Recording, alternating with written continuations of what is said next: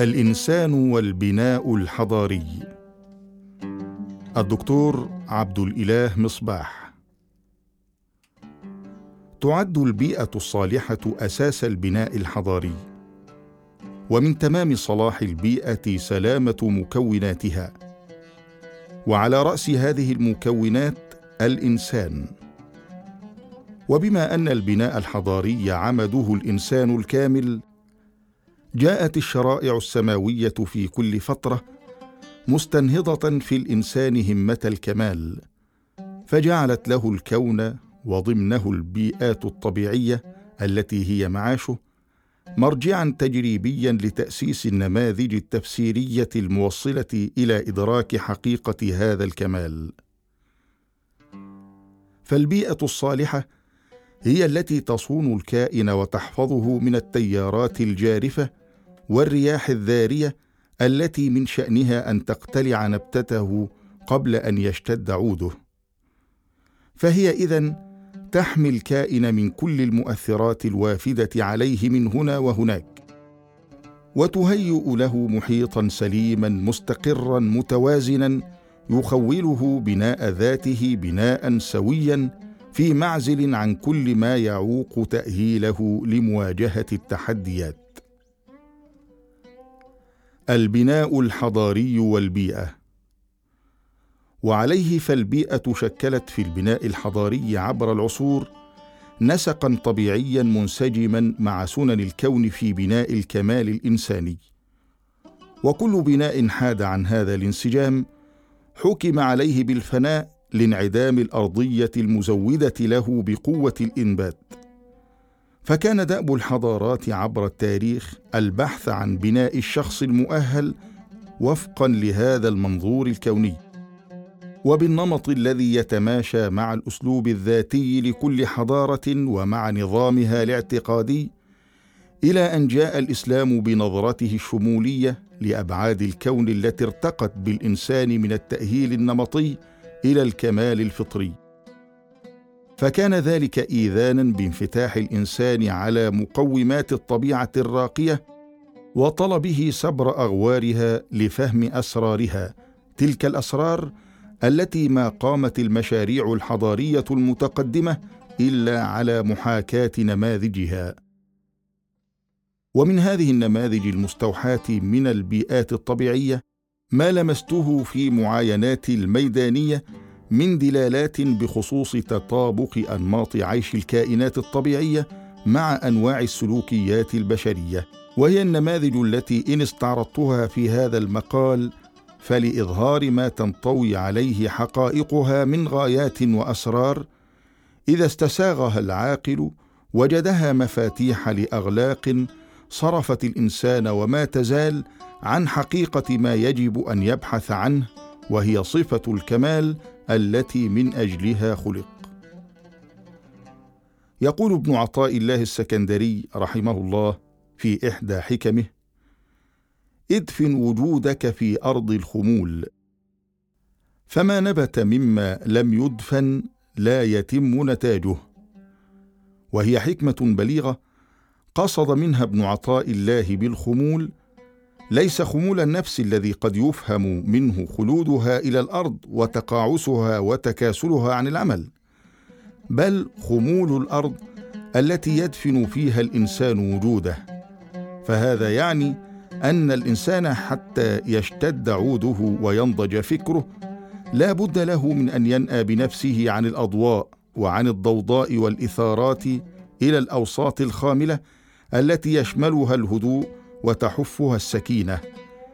كمثل البذرة التي تريد غرسها لا بد لكي تضمن نتاجها من أن تبحث لها عن أرض خاملة تزرعها فيها وهي الأرض الهامدة الساكنة البعيدة عن السيول الجارفة وعن الرياح الذارية التي من شأنها أن تعري التربة وتجتث النبتة فتلقي بها في متاهات كل ما ليس له قرار. وعليه فالخمول المقصود في الحكمة ليس خمول الذات ولكن خمول الوسط الذي سيحضنها فيهيئ لها بسكونه وقراره تفتح القريحه وسعة الفكر فتنضج بذلك ثمرة المعرفة وتتألق قطوفها يافعة طيبة في كل حين بإذن ربها.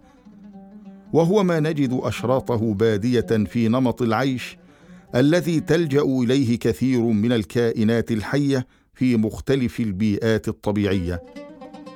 فبصرف النظر عن الكائنات الطائرة أو السابحة أو الجارية التي ليس لها قرار فإن هذا النمط من العيش عيش الاندفان في الأوساط الخاملة يصير ضروريا عند الكائنات التي ترتبط على الدوام بحيز عيشها وخاصة تلك التي تتميز بحساسية عالية تجاه المتغيرات الطبيعية الآتية من الأوساط المحيطة بها.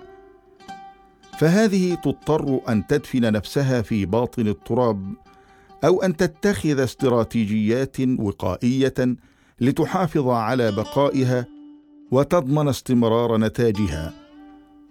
ومن أهم الكائنات دلالة على هذا المعنى نجد اللؤلؤ والمرجان كأسمى تعبير عن هذا النمط من العيش المترجم لسر من أهم أسرار التألق في هذا الوجود. أثر الخمول والاندفان على تألق اللؤلؤ والمرجان. يعد اللؤلؤ والمرجان من أنفس الحلى والمجوهرات التي عظمها الإنسان بل وذكرها الله تعالى في كتابه العزيز واصفا بها محاسن الجنان. فهذه النفائس التي نالت قيمتها العالية من بذرتها وجمال منظرها تستخرج من أعماق البحار حيث تتكون في ظروف جد دقيقة وتحت شروط بالغة التعقيد. فهي تنتج عن تكثفات معدنية من أصول حيوانية تتصلب فيها المكونات الكيميائية بفعل تماسك جزئيات معدنية ناتجة عن تفاعل كلسي. لا يتم إلا إذا توفرت شروط فيزيائية وكيميائية وحيوانية ترتبط أساسا بالاستقرار الطبيعي للوسط البحري الذي تتكون فيه. فاللؤلؤ لكي ينشأ في الصدف يجب أن يتبلور انطلاقا من أكسيد كربون الكالسيوم الذي يفرزه المحار حول حبة دخيلة عليه يعزلها في زاوية بين صدفتيه. ونحن نعرف أن هذا الصدف لا يمكن أن يستقر في قاع البحر إلا إذا وجد مستندا ثابتا يرتكز عليه كسطح صلب أو دعامة راسية يتعلق بها.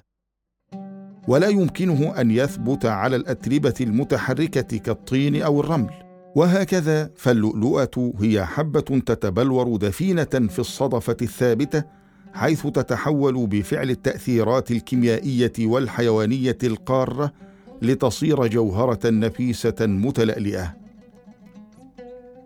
أما المرجان فهو هيكل حيواني لا ينمو دفينا في جسم آخر ولكن على سطح حجري تماسك بفعل تكثفات عضوية لحيوانات عاشت دفينه فيه ثم ماتت وأقبرت فيه. فهو أيضا إفراز معدني من أصل حيواني يحصل في قاع البحر تحت ظروف قارة ينتج عنها تكون المرجان في شكل شعب رصيفية تزدهر في البحار الدافئة والهادئة مشكلة بذلك حواجز ساحلية في المياه الضحلة أو جزرا مرتفعة في البحار العميقة. وتتم العملية وفق تسلسل مرحلي يضمن تهيؤ الأرضية الصالحة لنمو واستقرار الكائنات حتى يتسنى إقامة النصب المرجاني. وهذه المراحل تبدأ بعملية تثبيت القاع عن طريق تماسك حباته بواسطة إفرازات كائنات مختلفة تعيش دفينة بين هذه الحبات فتساهم خلال حياتها وكذلك بعد موتها في مسك المكونات الرسوبية لقاع البحر. وبالتحام هذه التوضعات تتصلب الأرضية وتصير صالحة لتثبيت جذور الباقات المرجانية التي ستنمو عليها. ثم تأتي مرحلة التألق التي تنتهي في أزهى حللها بنصب مرجاني على سطح متراص هيأه تواجد الكائنات الدفينة فيه التي لمت شتات رواسبه وأدمجتها لإقامة البناء. بيئة اللؤلؤ والمرجان. فهذان العنصران اللؤلؤ والمرجان لا يمكن لهما أن ينموا في الأوساط البحرية المضطربة بفعل التأثيرات الخارجية التي تؤجج التيارات وتحدث التغيرات. لأنهما يتطلبان درجة عالية من الاستقرار في مكونات الوسط البحري حتى يتواجدا فيه.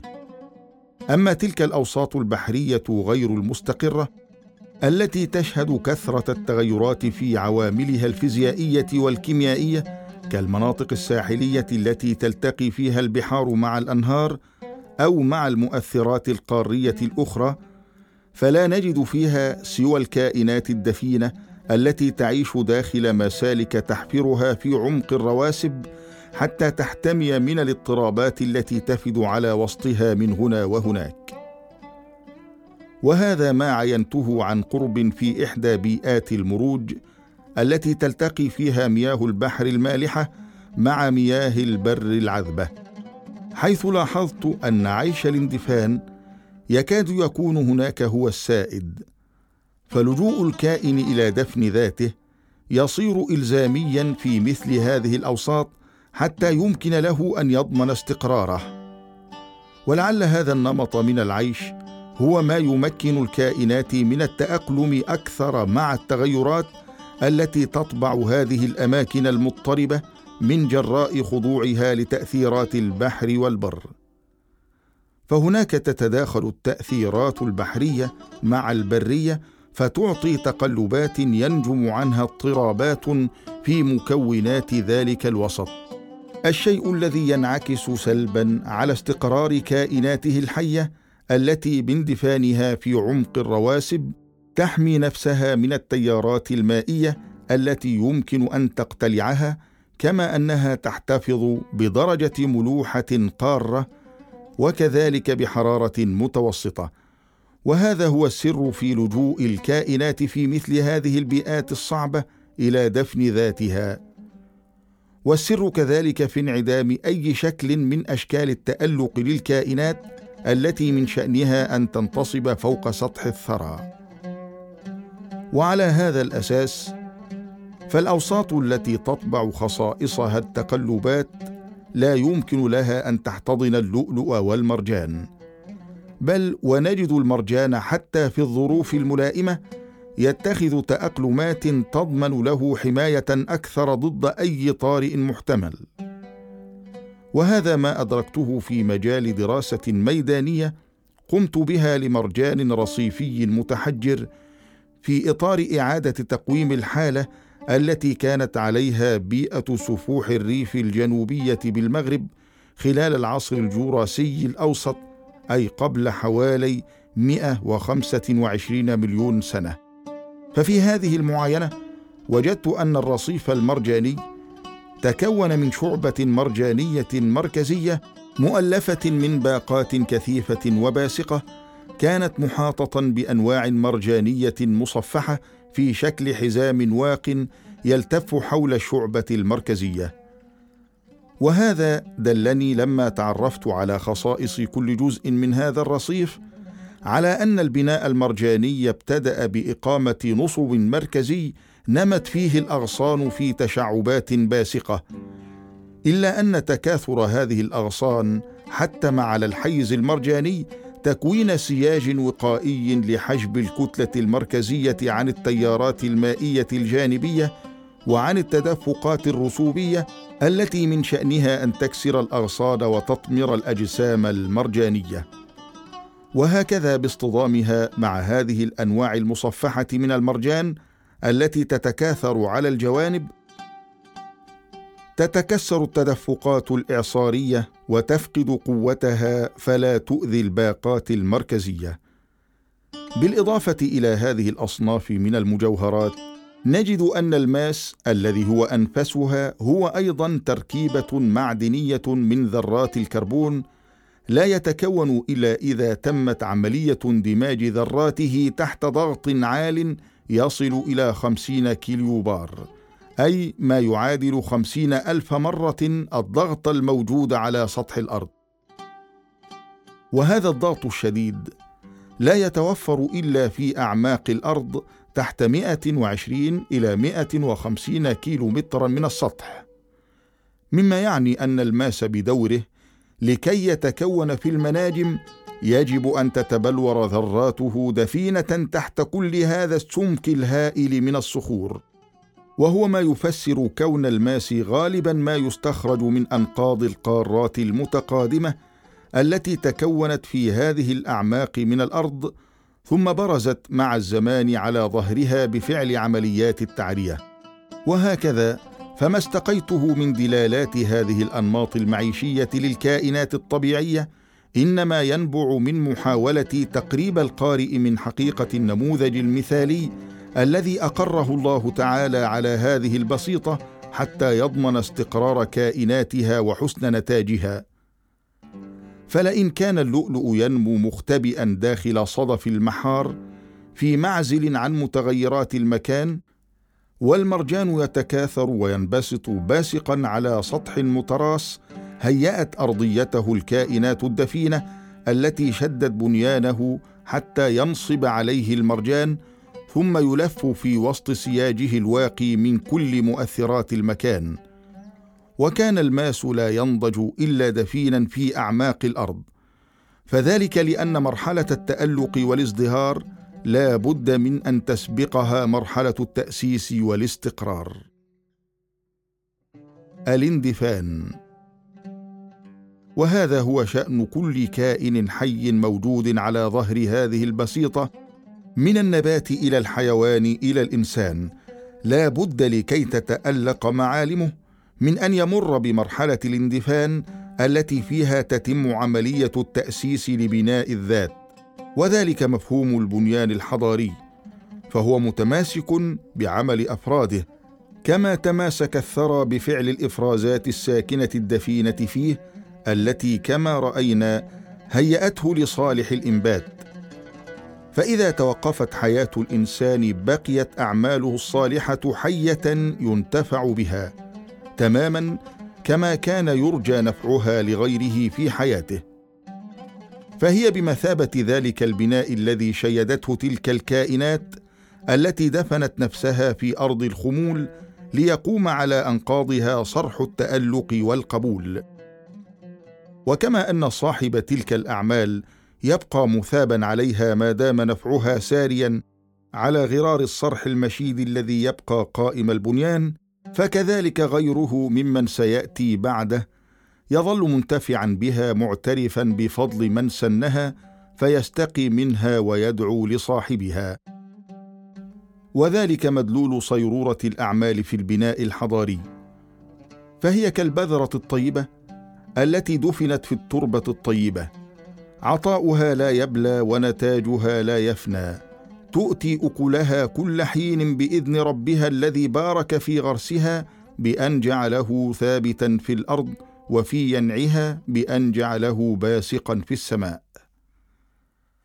وهذا ما رأيته قد تجلى من زوايا كثيرة في العرض القيم للأستاذ نوزاد صواش المشرف العام لمجلة حراء عن سر التجربة التركية الذي قدمه تحت عنوان المعرفة سر الأمواج الصاعدة من القاع في التغيير الحضاري في المغرب في جامعة ابن طفيل حيث بين بنعومة أسلوبه كيف ركزت التجربة التركية على محور العمل التربوي في صناعة إنسان القيم والانفتاح والتسامح الذي هو أساس البناء الحضاري وكيف أن التغيير لا يأتي إلا من العمق الداخلي لهذا الإنسان كشأن البحر لا يتغير إلا بالتيارات الصاعدة من عمقه.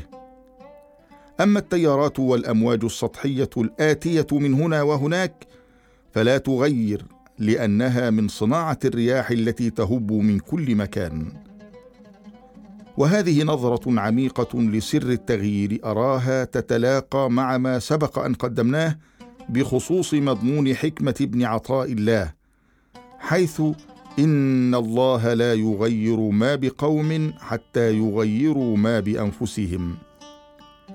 فاذا لم ينطلق التغيير من الكيان الداخلي للانسان الذي هو قلبه واعتمد فقط على ما ياتي من الخارج فسيجد الانسان نفسه في مهب الرياح التي ستجعله يدور في فلك غيره فيهيم بذلك في متاهات تبعده عن النظام العام الذي أقره الله تعالى لهذا الكون والذي يقول في حقه سبحانه وكل في فلك يسبحون.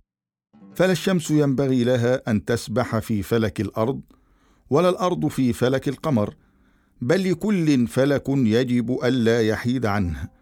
فإذا سبح الإنسان في فلك غيره فإنه لن يدور ابدا في فلكه.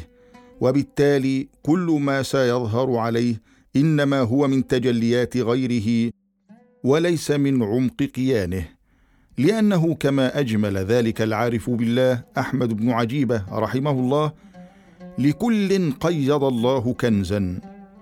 لكن ما دمت متكلا على الحفر في كنز غيرك فلن تحفر ابدا على كنزك.